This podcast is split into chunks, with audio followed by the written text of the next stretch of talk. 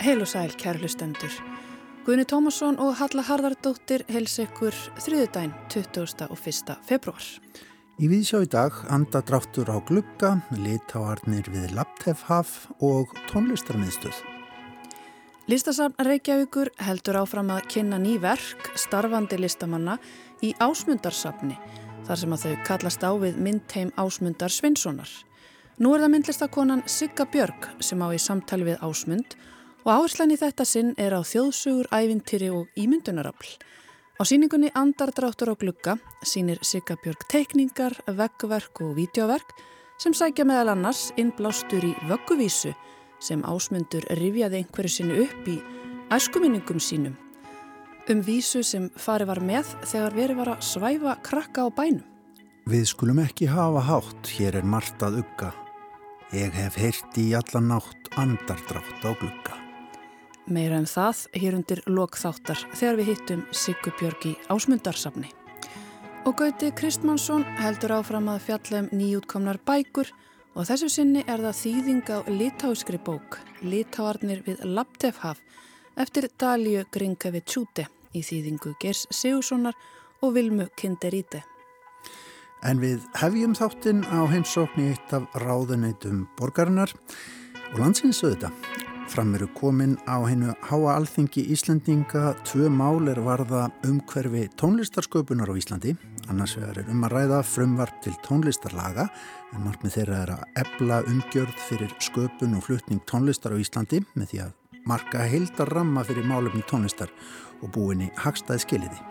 Hins vegar er fyrir þinginu þingsáleiktunar til aða um tónlistarstefnu fyrir árin 2023 og fram til 2030 Og eitt af því sem er ráðgert í þessum plökkum er stopnun nýrar tónlistar miðstöðar en henn er ætlað að verða einn af hortsteinum íslensks tónlistarlífs og tónlistar yðnaðar. Í menningar og viðskiptar áðanætinu hefur Bryndís Jónatansdóttir stýrt vinnu starfshóps sem að hugað hefur af þessu uppleggi á undarförnum misserum. Ég heimsótti Bryndís í ráðanætinu fyrir dag og fekk hana til að lýsa stöðunni eins og hún er í fyrstu. Það er að segja hvernig hefur stuðningur ríkisaldsins við tónlistina í landinu verið ef litið er fram hjá þeim menningarstofnunum sem að henni snúa. Heyrum hvað Bryndi saði. Það eru nokkur aðilar búin að vera starfandi núna síðustu ár. Það er búin að vera hérna, þrý sjóðir tengtir tónlist, uh, útflutningssjóður íslenska tónlistar, tónlistarsjóður og hljóðrutasjóður sem hafa verið starfandi. Um, síðan hefur hérna, tengt útflutningi, þá er það útflutningsskrifstofa íslenska tónlistar uh, og svo hefur tónverkamiðstöð líka verið starfandi um, og síðan svona annastunningur hefur líka verið uh, eins og bara frá greinni sjálfveri, þá ertu með stef og þú ert með félag íslenska ljómistamanna og þú ert með svona ímsfélög og, og hann svona stöðningsaðila þannig að það hefur svona helst verið í þessu formi þannig að breytingin er núna er að nú verið að setja sérst í fyrsta skipti og bara stefnu mm -hmm. í málum tónlistar. Mm -hmm. Þannig að það verið að taka svona heildstæða stefnu fyrir tónlistinu. Um, þannig að það er svona, það er, þetta er sér stóra breytingin. Mm. Hver er staða þess máls? Uh, hér er fyrir framann okkur til að til þingsalöftunar um tónlistastefnu uh, fyrir árin 23-30. -hmm. Uh, búa, það er búið að setja þetta inn í þingið en, en hver er staða málsins? Eh, nú er þetta bara með þörfum þingsins Er, ekki, er vita hvernig við, hafið þið einhverju tilfinningu fyrir framgangi málsins? Nei, raun og veru þá er þetta bara í vensliða þinginu og, og við bara býðum Ef við horfum yfir svona helstu atrið þessa, þessa skjáls, hver hvað getur þú sagt okkur um það? Já, sko tónlistar stefnan uh, hún er með þrjár megin áherslur uh, við erum með tónlistar menningu og mentun og það er sérst verið að tala um sérst menturuna að það eiga allir að verið með aðgunga að, að góri tónlistamentun en það er líka verið að tala um húsnæðismál mm. og það er luta af því sem að e, búið að vera ræðat alltaf mikið núna síðustu ár það bæði húsnæðis þörfin um, fyrir tónleikahald mm. uh, en það er líka til að vera að vinna tónlist uh, og það er sérst líka fyrir sérst umgjörðina sem er að vinna í kringum tónlist uh, önnur megin áherslan það er tónlist sem atvinnugrein sem skapandi atvinnugrein og það sérst, stefnan er svo að bæði tónlistafólk og þeir sem vilja vinna í umgjörð tónlistarinnaðarins sjá þetta fyrir sér sem mögulegan starfsvettvang mm -hmm. að þú getur unni við það að annarkvört vera tónlistarmadur eða kona um, eða að hann að vinna sérst við umgjörðina mm. og það er svona það er svona umgjörð tónlistarinnarinn, viðskipta hlið tónlistarinnarinn sem að hefur alltaf svona vantað mm. eða hefur byggst upp mun hægar heldur en skapandi hlutin Já. og þegar það byggist upp hægar þá byggist líka upp hægar möguleikin á því að vera starfandi mm. tónlistamæður mm. erfiðar ofta að gera samningana og fleira um, þannig að þetta er svona líka hérna, eina af aðal áherslanum mm. og svo er þriði áherslan uh, á útflutning ásast að, að styðja hann betur við útflutninga á íslenski tónlist sem hefur nú gengið ákveðlega. Þú nefndir í upphafi sjóðina mm -hmm. annars vegar og svo útflutningsmiðstöð sem hefur verið starfandi mm eh, og tónverkamiðstöð sem hefur snúið meira svona samtíma tónlistinni og, og klassískari hlutanum skulum við segja. Eh, með nýri tónlistarmiðstöð þá er ætlunin að hún taki yfir þessi málumnarsvið bæði og bræði saman einhver leiti mm -hmm. uh, ef við hugsaum aðeins um hvaða, hvaða batteri er þetta sem ætlunin er að setja á stofn sem heitir tónlistamiðstöð Íslands vegna það er kannski, það er ekki allir sem grýpa nákvæmlega hvað, hvað er um að rætt. Nei, akkurat, skiljanlega. Tónlistamiðstöð, þetta er í raun og veru alveg tölveld starra heldur en þau batteri sem hafa verið uh, hinga til en tónlistamiðstöð mun taka yfir sérst hlutverk uh, íslenska tónverka miðstöðar útflutnings skrifstof íslenska tónlistar einnig. Um, og það verður sem sagt tónlistamöðstu verður með þrejum kjarnasviðum. Það verður úttón mm -hmm. það sem er í dag úttón um, eða það er hlutverk, tónverk sem verður nótna veita það er að segja, uh, þetta er svipað því sem að tónverka miðstöðu búin að vera að halda úti þetta er aðgengi að nótum að íslenskun tónverkum mm. annarkvort til sölu eða leigu til leigu þá er það til dæmis fyrir stóra hljómsveitir og, og svona veist. Uh, þannig að það verður nótna vita þarna eini sem verður aðgengileg fyrir öll íslensk tónskald og íslenska tónhöfunda sem er að búa til nótur. Um, þannig að þá verður möguleiki í raun og veru að setja nótuna sinni í gegnum þessa veitu um, og vegna þess að þú ert með um, þessi kjarnasvið, þú ert með útflutningin og tónverkin saman, þá mun það líka þýða aukin stuðningu við kynningu á þessum tónverkum út fyrir landsteinana en síðan er það þriðja stóðsviði sem er svona helsta nýjungin í tó, tónlistamiðstöðinni og það er það sem eru kallað intón mm. og það er stuðningu við um, íslenskan tónlistar eðna og tónlistafólk á Íslandi mm. Það sem að intónum gera er að standa fyrir fræðslu og ráðgjöf og stuðningi við tónlistafólk og fyrirtæki sem miðar að því að styrkja umgjörð tónlistarinnar. Og þetta er eitthvað sem hefur uh, það hefur ekki beint verið í, komur að segja, svona ákveðnu ferli, það er búið að vera auðvitað á alls konar verkefni sem að bæðið út tón og stef FA og tónar Reykjavík tónlistaborg og fleiri hafa verið með síðust ár meðal annars tónatal mm -hmm. sem hefur gengið vel, en þetta verður svona formfastara mm -hmm. þannig að það verður ennþá meiri orka að lögði þetta og það verður meira sérst, fleiri hendur, mm fleiri starfsfólk sem er bara að vinna í þessu intón um, þannig að það verður að reyna að taka í raun og veru já það verður að reyna að bjóða sérst upp á alla þessa þjónustu sem þarf til þess að stiðja við uppbyggingu á tónlist. Og líka bara fyrir eins og tónlistar fólk sem er að út, útskrifast vantar aðstof með hvernig þetta er að vinna við greinina við einstaklingar sem hafa annarkort áhuga á því að vinna hérna innanlands eða ég vil fara að lenda markað. Þannig að, þannig að þetta er svona í raun og veru öll, öll breytin mm það þarf svona batteri, þarf svona hvað maður segja, netkerfi og kerfi í kringum hlutina, það er ekki bara að stopna bílskúsband og, og byrja að spila tónlist, það, það þarf auðvitað að búa til fagleiri grundvöld undir tónlistalíf sem að áðægilega skilið það ekki? Jú, vegna þess að sko, Íslands tónlist er búin að blómstra síðustu áratöginna og það er alveg töluvert af íslensku tónlistafólki og tónskáldum sem hafa gert það gott líka erlendis uh, en þessi umgerða hluti hefur byggst upp hægar þannig að við erum að sjá alveg mikið af verkefni sem ganga vel en um utanum hald verkefnuna færist erlendis vegna þess að það hefur ekki byggst upp þekkingin hér mm. í nómiklu magni þannig að við sjáum líka bara heilmikið að tækifærum í því að styðja við þessa umgerðar uppbyggingu mm. vegna þess að í dag þá er þetta þú þarft ekki að vera í LA, þú þarft ekki endilega að vera í landa, þú getur í raun og veru staðsett hvar sem er um, og gert út um, alls konar verkefni við erum að sjá bara til dæmis í leikaðina þá er til dæmis stór fyrirtæki sem eru starfrækt hérðan mm -hmm. en er að vinna um allan heim og það er alveg það saman með tónlistina mm -hmm. þannig að það er alveg tölverst af tækifærum til bara atvinnu uppbyggingar innan tónlistar á Íslandi mm -hmm. vegna þess að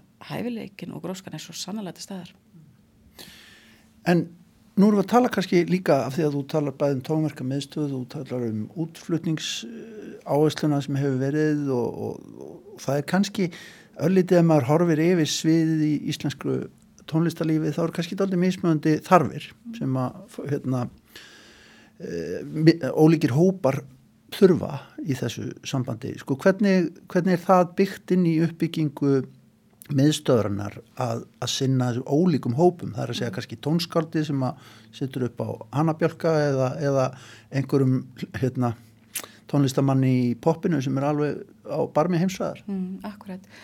Um, það, það eru þetta líka mismunandi hvort að uh, tónlistafólk og það fyrirtækin eru að hugsa um innanlandsmarkað eða er að hugsa um ellendamarkað.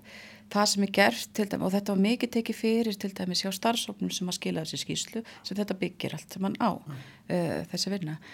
Við þurfum bæða að horfa á líka tónlistastefnur en við þurfum líka að horfa á þessar ólíku áherslur, er þetta innanlands áherslan, er þetta áherslan til að fara ellendis, um, það þarf að horfa líka á að þú þarfst að geta verið með verkefni sem eru ekki, um, ég hef ekki markaðsverkefni, mm. þú, þú vil náttúrulega ekki byggja tónlistarinnan en bara á uh, einhverju sem er mjög markaðsvænt, þú þarfst að geta verið með alla gróskuna, uh, þannig að hugmyndin er líka svo að vera með fjölbreyta þekkingu hjá starfsfólkinu. Um, ef við tökum bara sem dæmi sko innan útflutnings og úttón liðarinnar þar sé að þetta, þetta kjarnasvið uh, þá verða verkefnastjóra sem eru með sérst áherslu á ólíkum tónlistastefnum þú ert ekki með sömu uh, ferðlana getur maður sagt þegar þú ert með hérna, að styðja við útflutning á síkildur og samtíma tónlist til dæmis eða uh, jazzi og svo poppi. Það eru hérna, ólíki staðir sem þú ferð á til að kynna þessa tónlist, þú ert kannski með sjókeisháttíður fyrir ákveðna stefnur uh, en fyrir annað þá ertum við tengslinn við stóra hljómsveitir eða listrana stjórnendur. Þannig að það verður hlutverð tónlistamiðstöður að vera alltaf um puttana púlsunum hvar þessi markað er að finna hvar líkil markaðinir eru og síðan hvaða segja, tegundir af um, einstakling með fyrirtækjum þarf að vera í sambandi við. Mm þetta verður líka svona greiningaræðileg sem þekkir markaðan opasla vel. Og það sama innanlands um, bara varandi fræðsluna hvernig er uh, kerfið á Íslandi sett upp veist, þarf að vera þekking á því að það, það kemur kannski hérna, tónlistakonu sem að vara að útskrifast og vil gætlan komið sem framfæri á Íslandu og hvernig getið unni við þetta mm. þá þarf að vera þekking á hvernig er umgjörðin hvað eru tækinn, hvað er hægt að uh, hvaða hérna, tengslamynduna hópar hægt að hérna, benda á og svo framvegis. Mm. Þannig að þetta er líka miðstöð sem verður bara með þekkingu á einanlandsmarkaði og erlendumörkum mm. Og fyrir þá líka greinar. Þú nefnir vinnustarfsól sem að þú sast í og, og ert alltaf að leiða verkefni hérna innan ráðanendisins. Eh, Horðu því einhverjar sérstakar áttir er einhverstaðar í nágrannlöndunum hægt að benda á mótel sem hefur gengið frábælu upp? Mm. Við horfum, eh, við lítum bæði til Norðurlandana, um, vorum líka að uh, líta til Kanada og bara fjölmarkra landa, markra mismunandi uppsetninga. Uh, við horfum kannski sérstaklega, það er annars margt sem hefur verið að ganga vel til Finnlandi mm.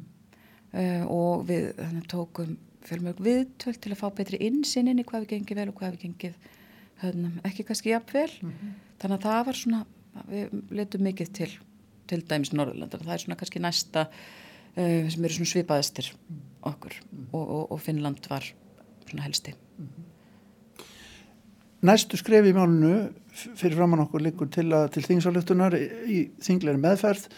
Ef ég spyr því svona að þú sleppir ég að vera embæðsmaður í smá stund og, og sko hvernig heldur að við fáum tón, tónlistamiðstöð?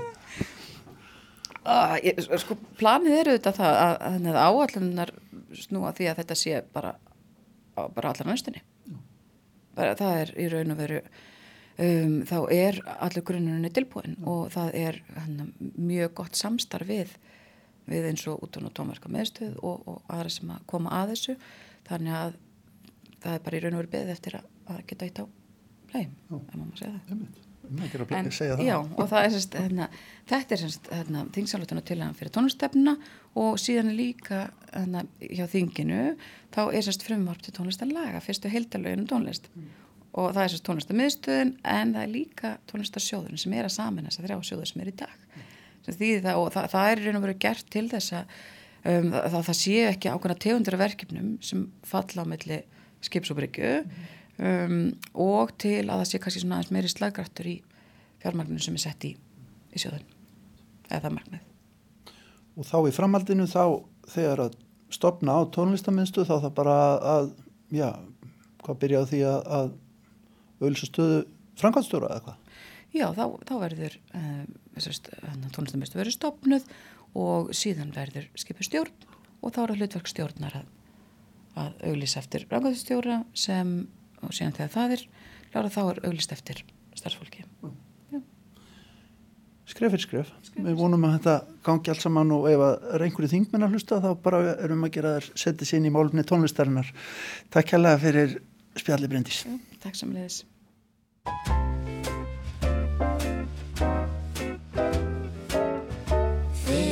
Ástinn allt ykkur mig. Alle grætt og faðma ég þig og presto Manon troppo munum við syngja í útvarpi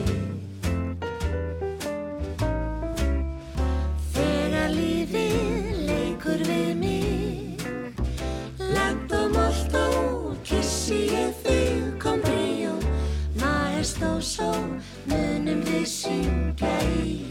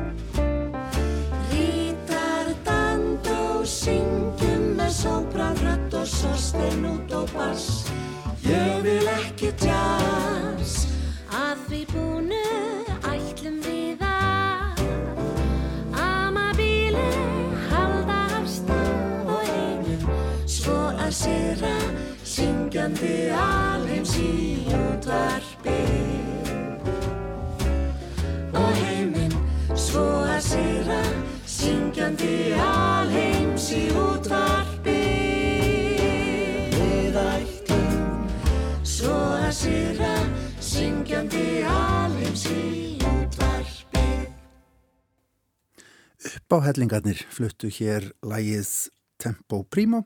Þetta er tekið af plötunni Uppáhellingarnir syngja Jónas og Jón Múla sem kom út í byrjun þessa árs.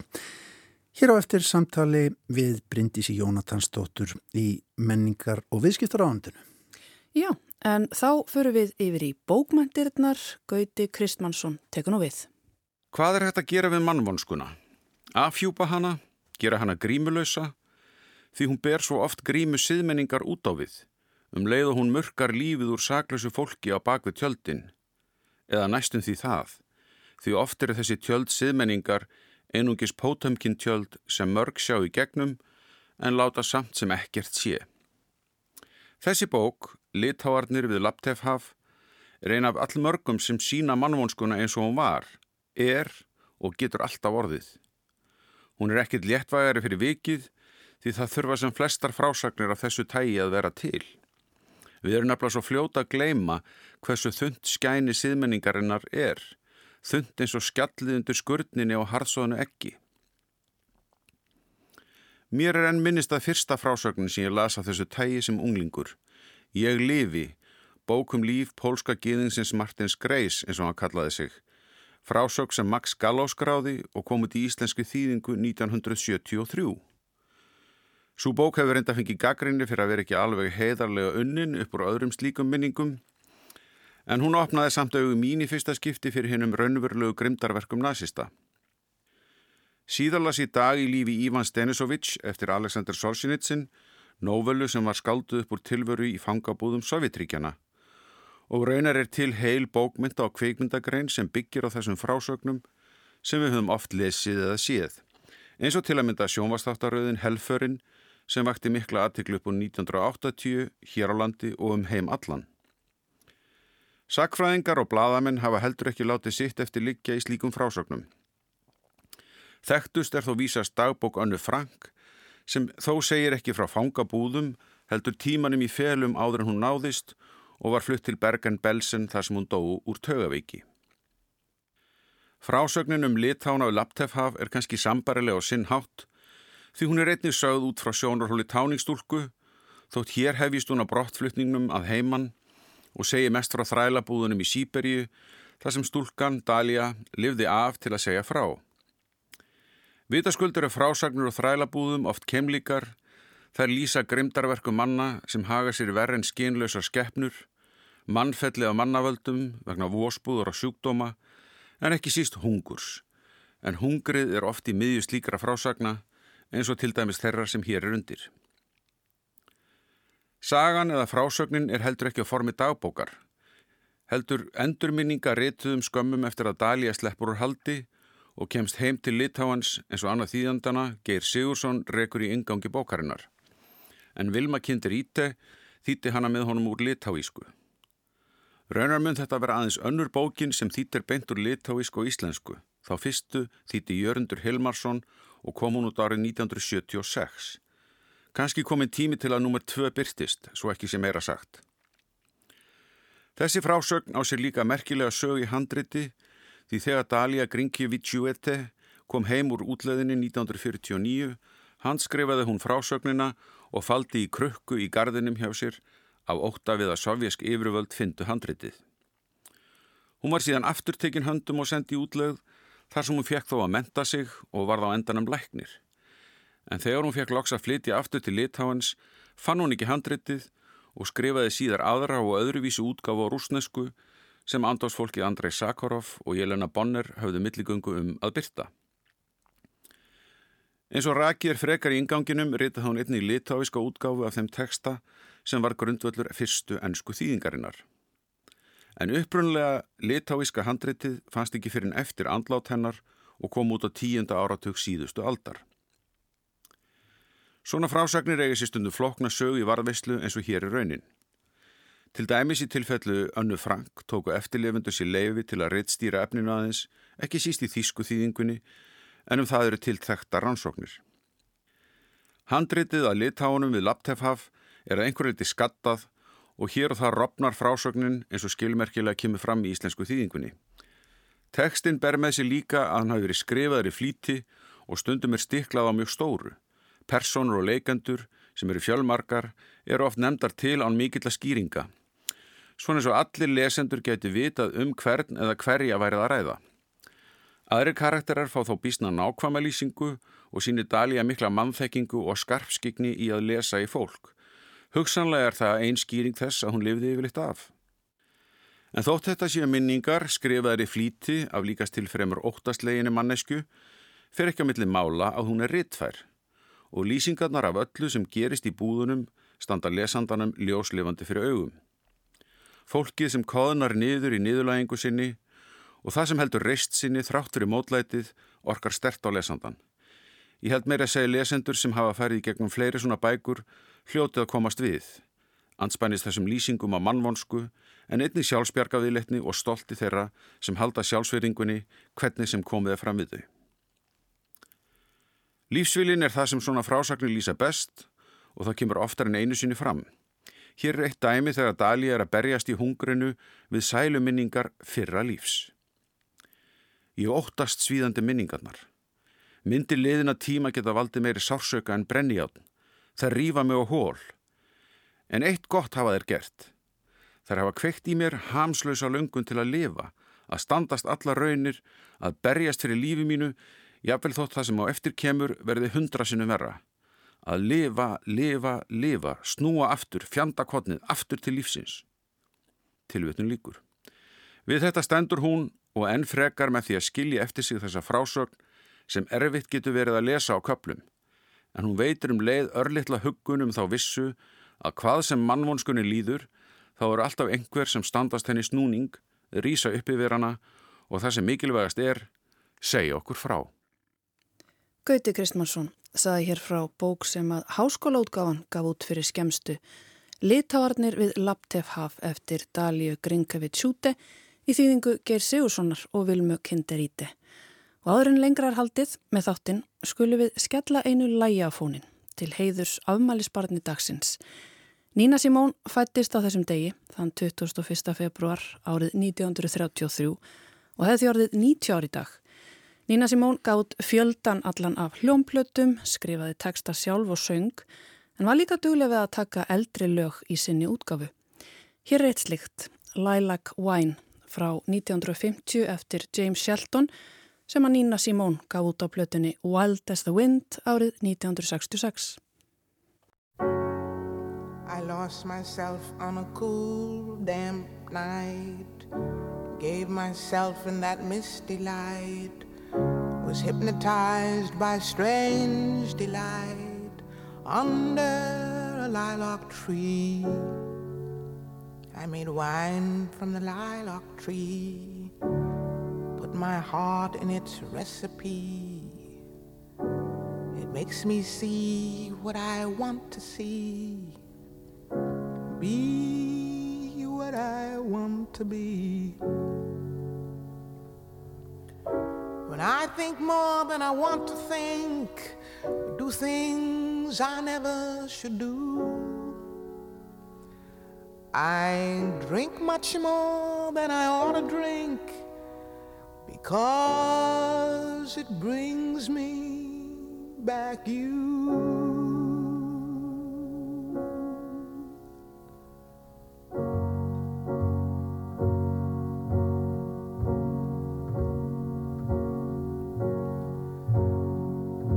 Lilac wine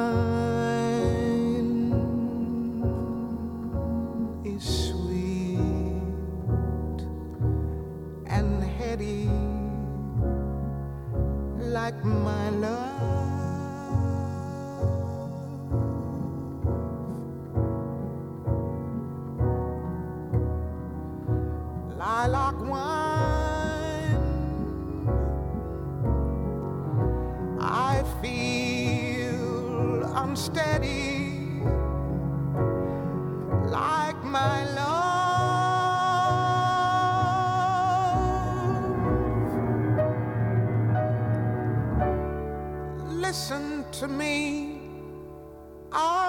Cannot see clearly.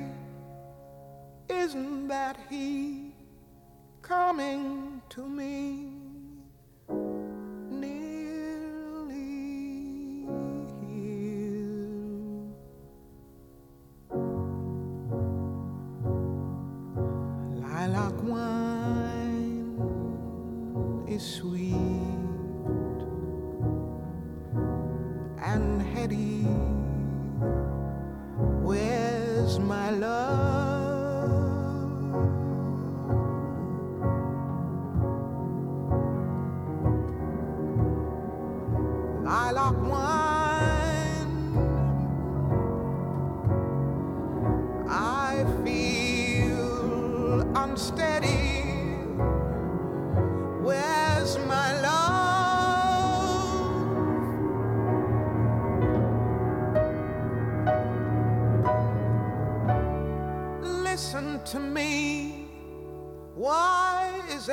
Everything so hazy?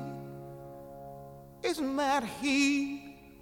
Or am I going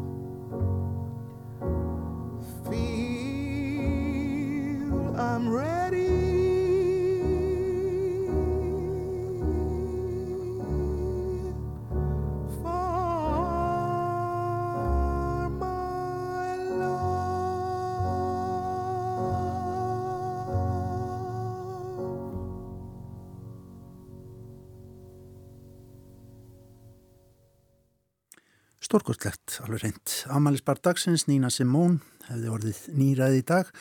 Hún söng þarna Lilac Wine af plötunni Wild as the Wind frá 1966. En þá heldum við út í bæ í Ásmundarsapn í lögadalunum. Listasapn Reykjavíkur heldur áfram að kynna þar ný verk starfandi listamanna í sapninu þar sem þau kallast á við myndteim Ásmundarsveinssonar. Nú er það myndlistakonan Sigga Björg sem að þar á í samtali við, við ásmund og verk hans og áherslan í þetta sinn er á þjóðsugur, ævintýri og ímyndunarafl. Við höldum í lögadalinn. Mér var búið að sína hérna í samtali við Ásmund Sveinsson og mjög fljótlega var, var það hérna, eitthvað sem að Markus síningastjórin var hérna, stakk svolítið upp á að við myndum ganga út frá sögum og þjóðsögum þar sem að Ásmundur var mikið að mörgverkin hans eru unnin út frá þjóðsögum. Og ég fór svolítið að skoða þau verk sem að Ásmundur hefði unnið út frá sögum. En það einhvern veginn gerðist ekkert finn ég fór sjálf bara að lesa meira af þessum þjóðsögum sem að ég einhvern veginn held að ég þekkti og ég held að margir held að það þekki vel.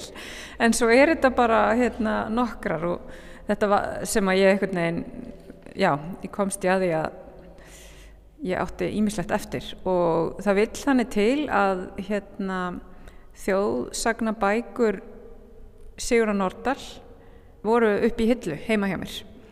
Þannig að ég greip svolítið það sem var hendi næst þetta var, gerðist einhver, einhverja kvöldsund og fór að lesa og hérna og þá einhvern veginn svolítið bara spratt síningin og svo hratt út frá því. Ég var bara rosalega fljót að finna efni þar sem að mér langaði að vinna með og á endanum fóri yfir allar þessi hérna, þjóðsagnabæk eða þessar þrjár. Og hérna en valdi 33 sögur sem ég vann verk út frá eða svona undir áhrifum frá kannski. Þú ert ekki beint að myndskreita sögurnar, þú ert meira svona kannski að finna andrunsloftið í þeim. Já, algjörlega. Það er, það er þannig svona sem að ég er mm -hmm. búin að vinna þetta. Það kemur samt ekki óvart að Markus skuli sjá þessa tengingu á milli ykkar vegna þess að þegar ég er lítið hérna yfir þá er margt sem minnum á þínar svona fyrri kynja verur. Þú hefur auðvitað verið að skapa eitthvað svona heim, svona dularfullan kynja veru heim áður. Já, það má segja það. Þannig að það kannski var eitthvað sem að var, já, var svolítið augljóst að vinna með þetta hér. En varst eitthvað að skoða verkinans samhliða þessum lestri eða kom það bara eftir á í ferlinu? Já, ég bara var mjög mikið að skoða verkinans samhliða og, og lesa um hann og lífi hans og, og bara svona einhvern veginn, þetta var svolítið svona samtvinnað en samt ákvað ég að vinna út frá mínum eigin þeim sögum sem að sko svona komu svolítið til, eða þú veist, höfðu til mín að vera ekki elda þar sögur sem að hann hafði myndgert einhvern veginn, þannig að ég held að segja, það er ein saga sem við erum bæði með verk sem er, eh, hefum gert verk eftir sem er djáknin og myrká en það er líka kannski ein af fáum sem eru svona kannski þekktar þjóðsögur sem ég tek fyrir. Að vildi bara þannig til að flesta sögurna sem ég er að hérna, vinna út frá eru kannski þær sem eru frekar óþekktar. Einmitt, eins og til dæmis þessi hérna sem er eiginlega titilmynd síningarinnar. Já, þetta er myndin sem er unnin út frá sögunni hérna Beri maðurinn í Vestmannegjum það er bara augljóslega titillin hérna sem að hérna drómi að þeirri sögu og forvitin um, um þennan titill og þennan bera mann í Vestmannegjum og sagan er, já, daldi stórkostleg og mjög skemmtileg. Mér fannst þetta alltaf vera bara skrítnasta mynd sem ég hafði teiknað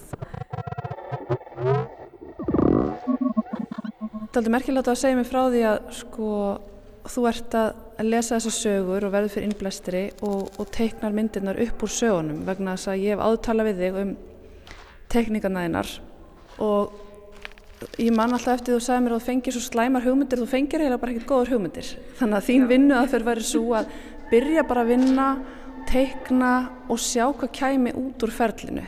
Hérna er þetta er eiginlega öfugt farið að ykkur leita allavega?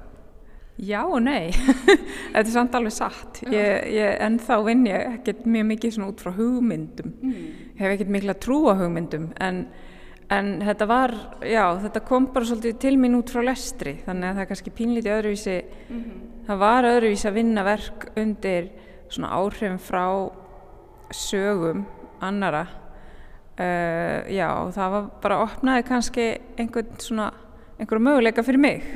Allavega voru þessar sögur það skemmtilegar og skrítnar að ég virkilega heit, þetta svona drómi svolítið áfram án þess ég þurft að án þess ég þurft að hugsa um já, mikið. Að þessu væri kannski alltaf vissum loka útkomuna Akkurat. En segðu mér samt frá hérna þessari tækni sem þú ert að nótast við hérna. Þetta eru pennar og blek og segðu mér frá þessari vinnaðaferð. Já, þetta er, eru blektekningar og það eru unnar á svona bómölla pappír sem er bara vaslita pappír, mjög, mjög svona fínpúsar og hérna um, ég bleiti alltaf pappírinn alveg áður en ég byrja að teikna og pressan síðan þannig að oft er ég að mála pappirinn með bara bleki, bara þunnu lægja bleki eða mis, misþunnu eða þykku og síðan pressa ég pappirinn og svo teikna ég á hann og mála og svo mála ég oft yfir myndina með vatni og pressa hana aftur og aftur þannig að þetta er svona svolítið unni lagskipt með blek og, og hérna og síðan kannski í lokin koma svona dítelar eða smáatriði. Og það er þá teikna með pennum og, og trílit en, en hérna það er einstaka myndi með lit í, ekki margar en þá er það vasslitur þannig að þetta er svona þetta er aldrei lagskiptar já, lagskipt, lagskipta teikningar eða þetta er unnið í mörgum lögum og ég er oftast að vinna nokkrar í einu Svo virðist það vera alltaf þannig að það er mikið um svona smáatriði og, og fingjarða dítela en á sama tíma þá upplifum maður sér líka eitthvað svona kaos og, og tilvílunarkent. Já, það er eiginlega teikningi verður til rúslega kaotist og tilvílunarkent myndi ég segja. Þannig að það er svona kannski hvernig þú veist teikningin sjálf verður til á blaðinu. Og það er oft mjög svona hvað segir maður, svona spontant. Eða þú veist það bara, ég leifi því alltaf að vera svolítið svona hrátt hvernig, hvernig tekningin kemur. Og en síðan eru smáadriðin eitthvað sem ég geri daldi eftir á. Og það er rauninni svona eins og maður sé að gefa tekningunni svolítið meira gefa henni svona daldi aðtegli og meiri tíma og bara svona áferðir og, og slíkt eins og þessi karakterar þeir fá áferð við erum öll með svona áferð á höndunum og fótunum og bara húð og hár og mér finnst það að vera eitthvað svona mikilvægt við þó að sjálfteikningin verði ekki til í svona mikilvæg nákvæmnisvinnu þá, þá er þetta svona tvö vinnu hérna, skipt í tvent. Hér erum við í skemmunni og hér kallast verkin þín á við verk ásmundar sem að þið hafi valið hér inn að kostgefni. Og hér er svona hálgjart titilverk allavega er þetta titillin á síningunni Andardráttur og glugga? Já, þetta er titillin og hann kom einmitt, það var þegar ég fór að lesa mig til um ásmund þá sá ég, rakst ég á þessa vísu sem var sem var sungin eða fyrir börnin í sveitinni þegar hann var að alast upp og þetta er sem sagt síðasta setningin í þeirri vísu, andadráttur og glugga. Og hún kom strax, það kom strax til mín að þetta gæti orðið góð titill og ég fór svona að vinna með þessa setningu sem vinnutitill síðan kemur ég ljósa hérna hann ásmundur vannverk sem að heitir andadráttur og glugga. Þá var náði verkið og hérna það var gert við það sett nýtt hérna það er rosa fínt, sett nýtt plexigler og já, hér er það á miðjugólfi sem titilverk síningarinnar Einmitt. Þetta er eitt af þessum skemmtilegu reyfiverkum, verk frá 1963. Andadáttur og glugga, þetta er eitthvað svo draugalegt, er það ekki? Jú, þetta er alveg, þetta er al algjör hryllingur Já. hérna, þetta er algjör martröð en þessi vísa sem að var hérna, sem stendur að hafi verið sungið fyrir börnin í sveitinni uh, við skulum ekki hafa hátt hér er margt að ugga ég hef heyrt í alla nátt andadrátt á glugga Ótrúlega vögguvísa, sko. já, ótrúleg Og minnum á hann að, já þetta, bíum, bíum, bambaló. já, andlit á glugga Já, andlit á glugga. akkurat, nema andadrátturinn já, þetta er einmitt. álíka hryllilegt Einmitt. Og þetta syngjum við bara fyrir börnin okkar. já, við gerum það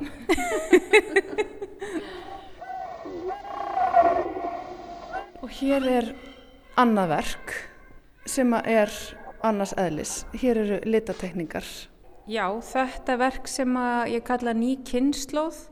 Þetta eru teikningar sem eru, já, daldi eldri. Þetta er ekki, ekki alveg glænýtt verk. Þetta er kannski, kannski þryggja ára cirka eða meira gamla teikningar sem að hérna voru daldi komnar hún í skúffu og ég var búin að skrifa hérna svona örsögur við nokkrar þeirra. En svo í aðdragandanum að þessu þá ákvaða við að hérna sína eitthvað allt annað í þessu miðrými heldur en hérna þjóðsöguverkið inni svo að hérna, já, einhvern veginn kom þetta verk upp á borðið og ég held áfram og gerði tilhörni með að halda áfram að skrifa sagt sögur við allar, já, allar myndirnar. Sagan er skrifuð daldi á svona sama hátt og í teikna í svona einni hendingu án þess að rítskoða að hugsa ég reynir bara án þess að hugsa nokkuð um hvað er að gera. Nei, en samt, uh, ég er svona að reyna að hérna, kannski að reyna að grípa eitthvað augnablík sem að hérna, án þess að og rítskoðunin kannski fælst svolítið í því þú veist hvaða mynd ég nota eða hvaða sögu ég nota frekar en að ég sé að hafa skoðun á því hvað kom þetta augnablík sem að þessi saga var skrifuð. En þá eru söguna skrifaður undir áhrifin frá þessum teikningum. Þannig að eða svona vís, með tilvísanir í þær og í, þannig án þess að sagan útskýri teikninguna eða öfugt það er meira svona kannski, það er meira svona samtal þeirra á milli. Svona o- opna leiðir til túlkunar Einmitt. En í þessum verkum þá sjáum við tvær personur takast á eða tala saman eða hvað það er að gera. Það er allavega einhvers konar samskipti á milli tveggja vera og það sjáum við dálítið líka hér í verkunum hans ásmundar. Einhverju þeirra allavega. Já, það er algjörlega það er oft átök og í sögum og hérna samskipti og þetta eru svona hérna fjallar rosa mikið um bara það að vera manneskja og allur tilfinningaskalinn sem því fylgir. Mér finnst kannski með þessari vinnu aðferð að vera ekki að stjórna og miklu eða hérna svona skoða á mikið hvað er í gangi að ég sé að gera kannski tilrönd til að grípa eitthvað rosalega hrátt hérna ráa tilfinningu og þetta er svona frekar en að ég vilji ég vill eiginlega síst vita of mikið um það sem ég er að fást við fyrir en svona eftir á. Þá leifi ég mér að kannski reyt sko þetta meira með því að með því að þá kannski sleppa einhverju myndum eða textum sem að en frekar en að ég sé eitthvað að svona krukka í því hvað kom á þessu augnabliki mér finnst þetta að vera bara þetta augnablík sem myndin var til eða sagan var til og svona er þetta og já, þannig frekar en að ég sé að leggjast yfir þessa texta en mm. textan er náttúrulega unnir bara sem myndlist og þeir eru mjög myndrænir og svona auðvelt að sjá kannski fyrir sér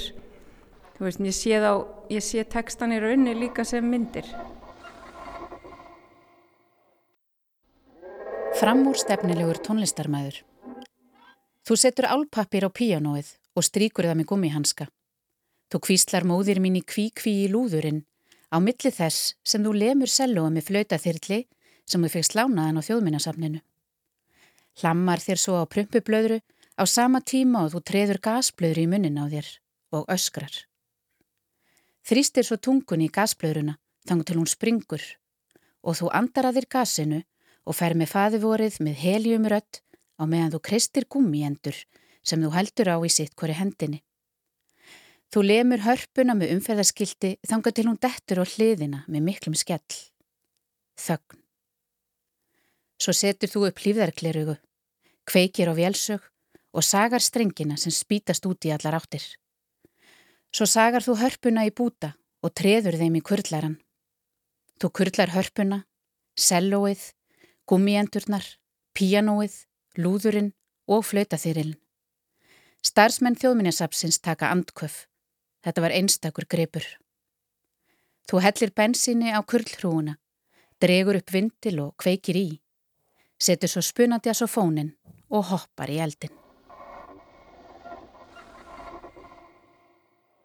Við þá að tölta upp í efstarímið? Já, í kúluna. Í kúluna. Fimm óp, tilengun til Óttans og Edvards Munks. Hvað er hér að segja þið? Þetta er hérna videóverk sem er unnið með svona stop motion videótækni, svona gammaldags hérna teiknumynda aðferðum. Þannig að hver rammi er tekin upp Eh, ég tek verkið upp svona ramma fyrir ramma, ég er bara með ljós, myndavél ofan, ofan, fyrir ofan teikniborð og sem vísar niður, síðan tek ég raun upp ferlið að, að, já, að búa til teikningu.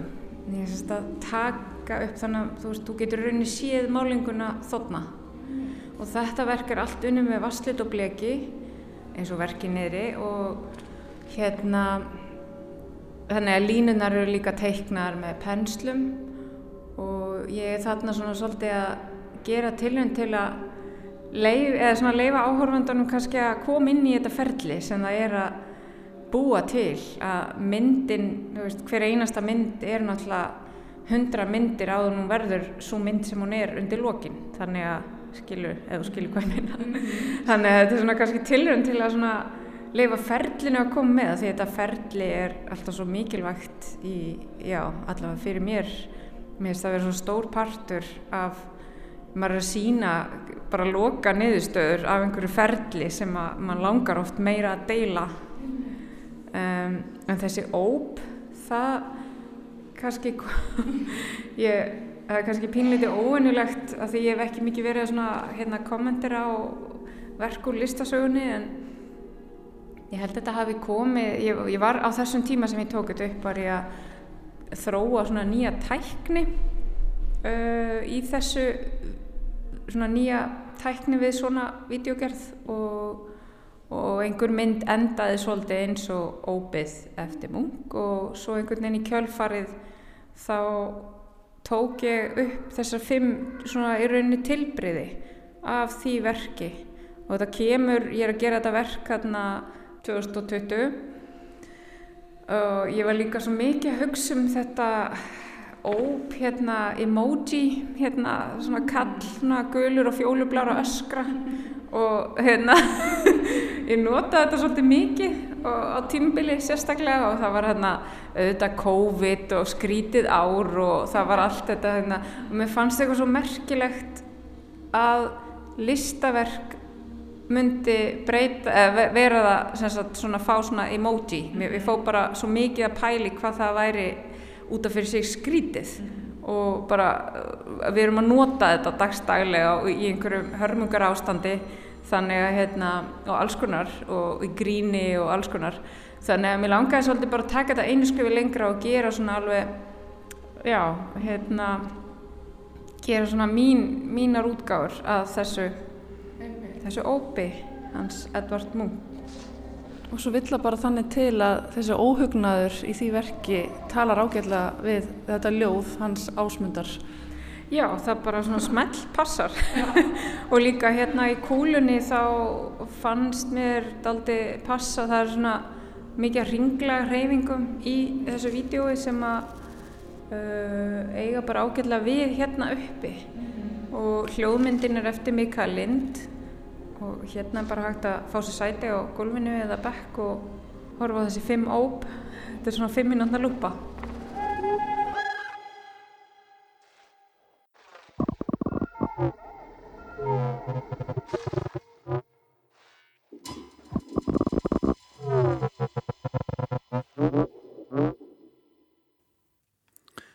þetta var samtal þeirra Höllu Harðardóttur og Siggu Bjarkar um síninguna Andardráttur á glugga í Ásmundarsafni í Sigtúninu.